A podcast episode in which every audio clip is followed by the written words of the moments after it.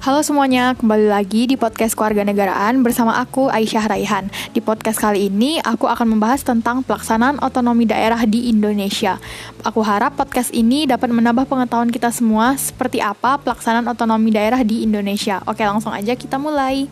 Sebelum masuk ke pembahasan lebih dalam mengenai otonomi daerah, apa sih otonomi daerah itu? Menurut Undang-Undang Nomor 32 Tahun 2004 Pasal 1 Ayat 5, otonomi daerah yaitu hak, wewenang, dan kewajiban daerah otonom untuk mengatur dan mengurus sendiri urusan pemerintah dan kepentingan masyarakat setempat sesuai dengan peraturan perundang-undangan.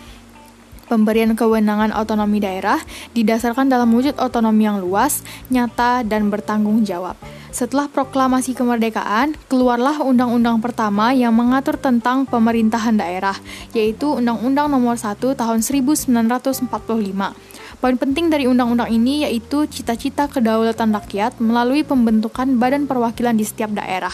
Dalam undang-undang ini ada tiga jenis daerah otonom yaitu keresidenan, kabupaten, dan kota. Tetapi undang-undang ini tidak berjalan lama karena setelah tiga tahun terbitnya undang-undang ini, Undang-undang tersebut diganti dengan Undang-Undang Nomor 22 Tahun 1948. Dan undang-undang ini fokusnya pada pengaturan tentang susunan pemerintah daerah yang demokratis. Di undang-undang ini ada dua jenis daerah otonom, yaitu daerah otonom biasa dan daerah otonom istimewa. Dan tiga tingkatan daerah yaitu provinsi, kabupaten atau kota, dan desa, mengarah kepada Undang-Undang Nomor 22 Tahun 1948, penyerahan sebagian urusan pemerintahan kepada daerah telah diperhatikan oleh pemerintah. Pembentukan pemberian otonomi daerah telah dijelaskan lebih rinci lagi pengaturannya melalui peraturan pemerintah tentang penyerahan sebagian urusan pemerintahan tertentu kepada daerah setelah Undang-Undang Nomor 22 Tahun 1948 tentang otonomi daerah, muncul lagi nih beberapa undang-undang tentang pemerintah daerah, yaitu Undang-Undang Nomor 1 Tahun 1957, Undang-Undang Nomor 18 Tahun 1965, dan Undang-Undang Nomor 5 Tahun 1974. Undang-undang tersebut mengatur tentang penyelenggara pemerintah yang menjadi tugas pemerintah pusat di daerah. Penerapan undang-undang ini cukup panjang karena diterapkan selama 25 tahun dan setelahnya diganti dengan Undang-Undang Nomor 22 Tahun 1969 dan Undang-Undang Nomor 25 Tahun 1969 setelah reformasi adanya Undang-Undang Nomor 22 Tahun 1969 tidak terlepas dari semua pihak yang ingin melakukan reformasi di semua aspek yang ada di Indonesia. Karena keinginan reformasi tersebut, keluarlah ketetapan MPR nomor 15 tahun 1968 tentang pengaturan, pembagian, pemanfaatan sumber daya nasional, perimbangan keuangan pusat dan daerah dalam rangka penyelenggaraan otonomi daerah.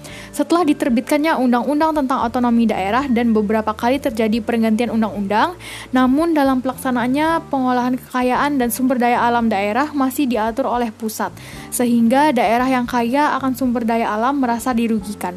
Pada masa reformasi, masyarakat daerah menuntut dilaksanakannya otonomi daerah sehingga lahirlah Undang-Undang Nomor 22 Tahun 1999 dan pelaksanaannya mulai terrealisasi tahun 2000 secara bertahap.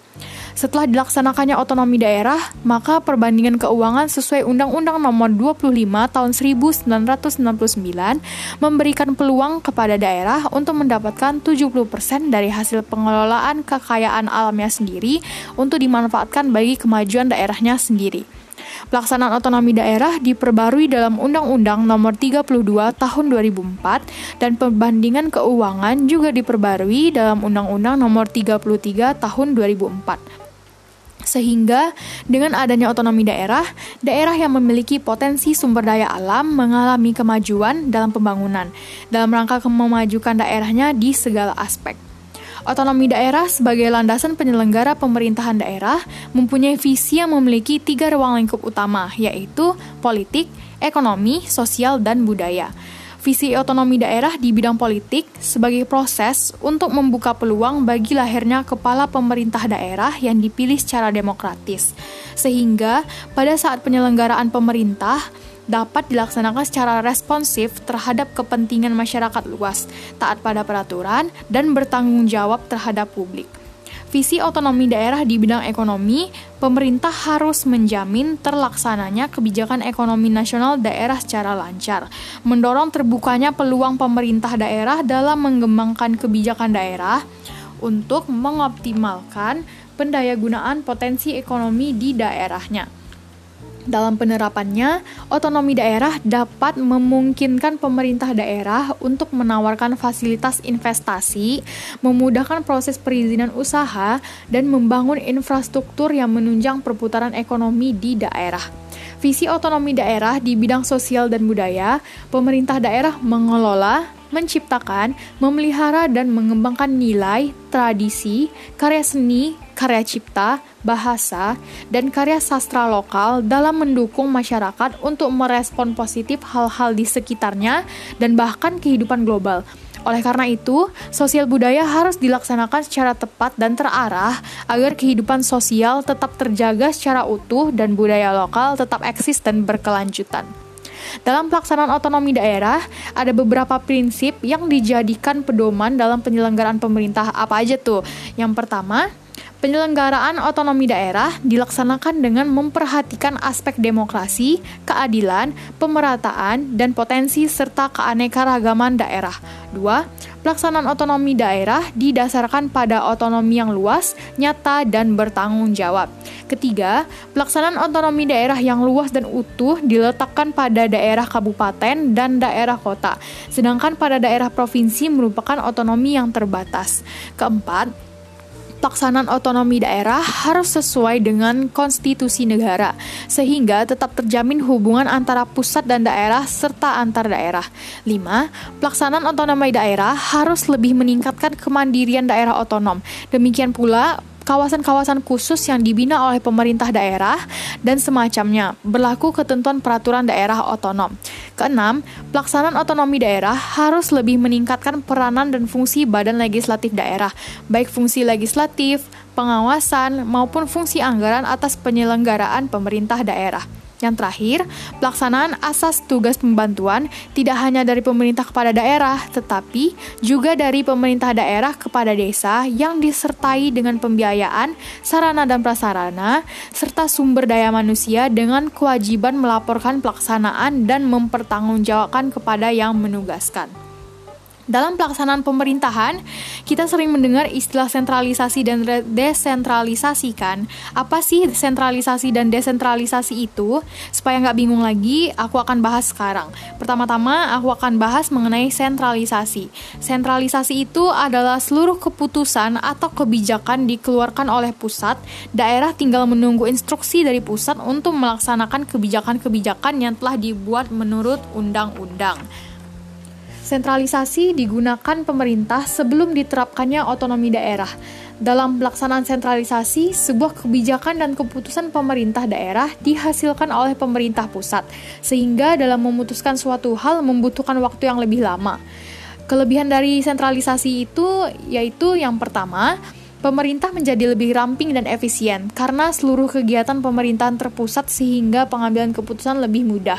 Dua, kegiatan perencanaan dan pengembangan lebih terintegrasi. Tidak perlu koordinasi yang jauh antara pengambil keputusan dan yang akan melaksanakan atau terpengaruh oleh pengambilan keputusan tersebut. Tiga, sumber daya dapat dikelola secara efisien karena dilakukan secara terpusat. 4. Satu aset dapat digunakan bersama-sama tanpa harus menyediakan aset yang lama yang sama untuk pekerjaan yang berbeda. 5. Koordinasi lebih mudah karena adanya kesatuan di dalam pemberian instruksi. 6.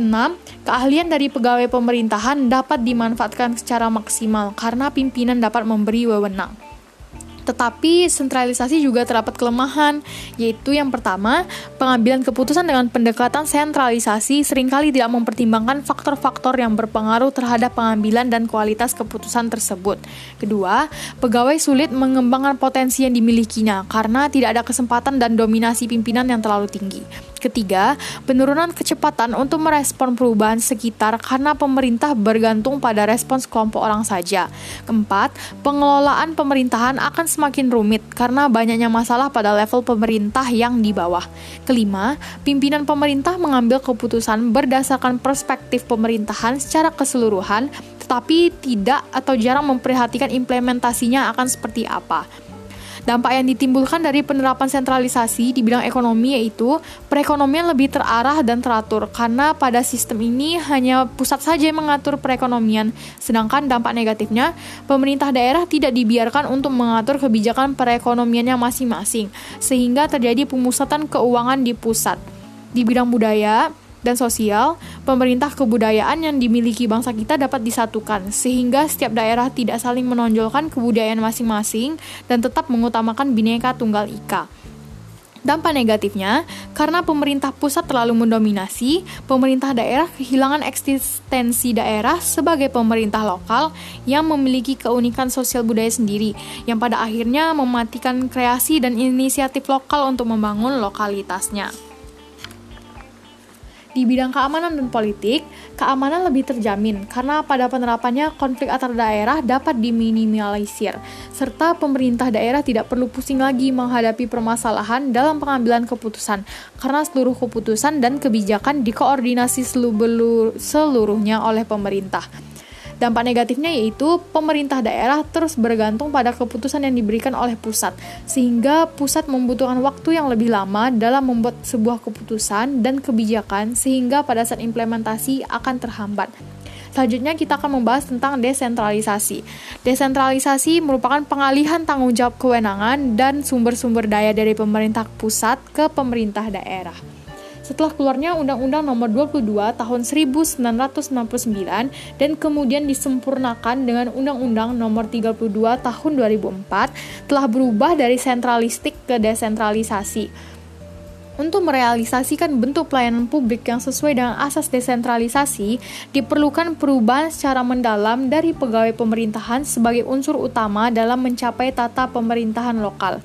Tujuan dari desentralisasi yaitu peningkatan efisiensi dan efektivitas penyelenggaraan pemerintahan dan peningkatan partisipasi masyarakat dalam pemerintahan dan pembangunan.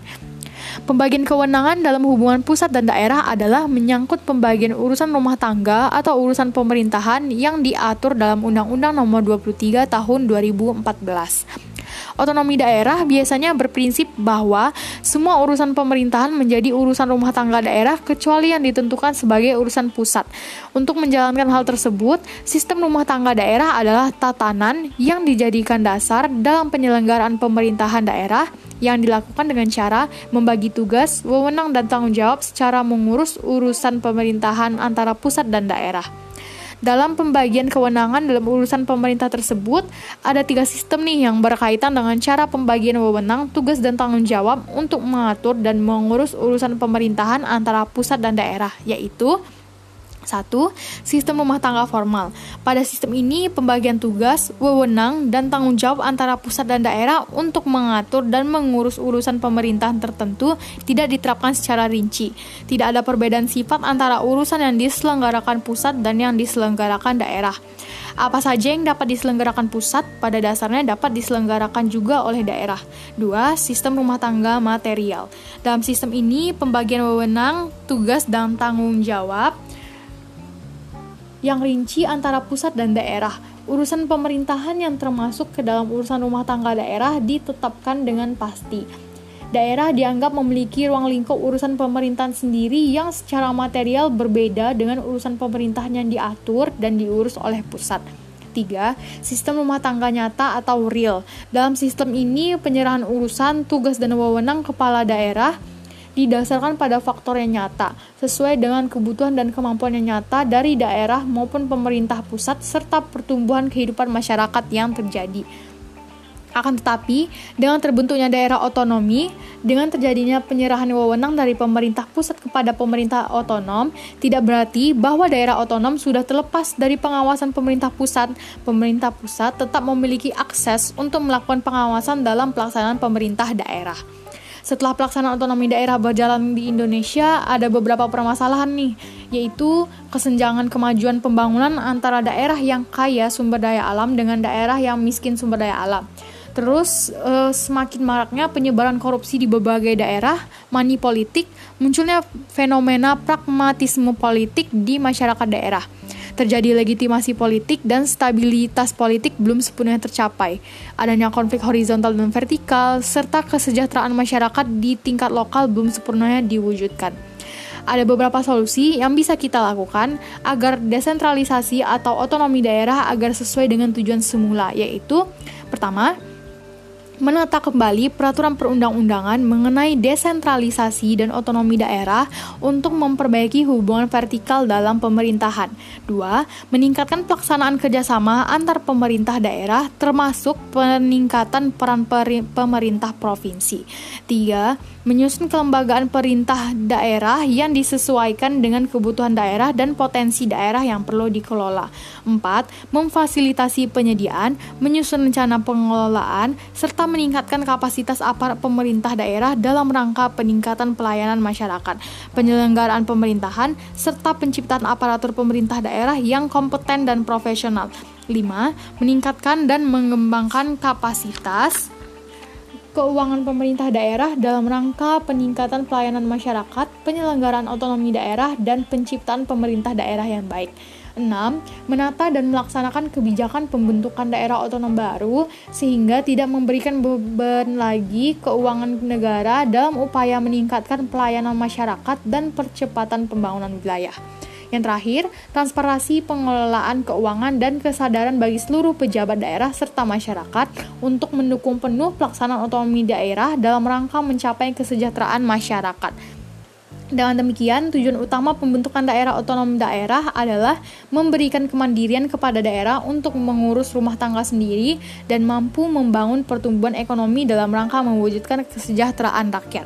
Demikian podcast hari ini mengenai pelaksanaan otonomi daerah di Indonesia. Semoga bermanfaat dan dapat menambah pengetahuan kita semua. Apabila ada kesalahan kata dalam penyampaian, mohon maaf yang sebesar-besarnya. Terima kasih teman-teman yang sudah mendengarkan podcast ini. Sampai jumpa di podcast-podcast selanjutnya.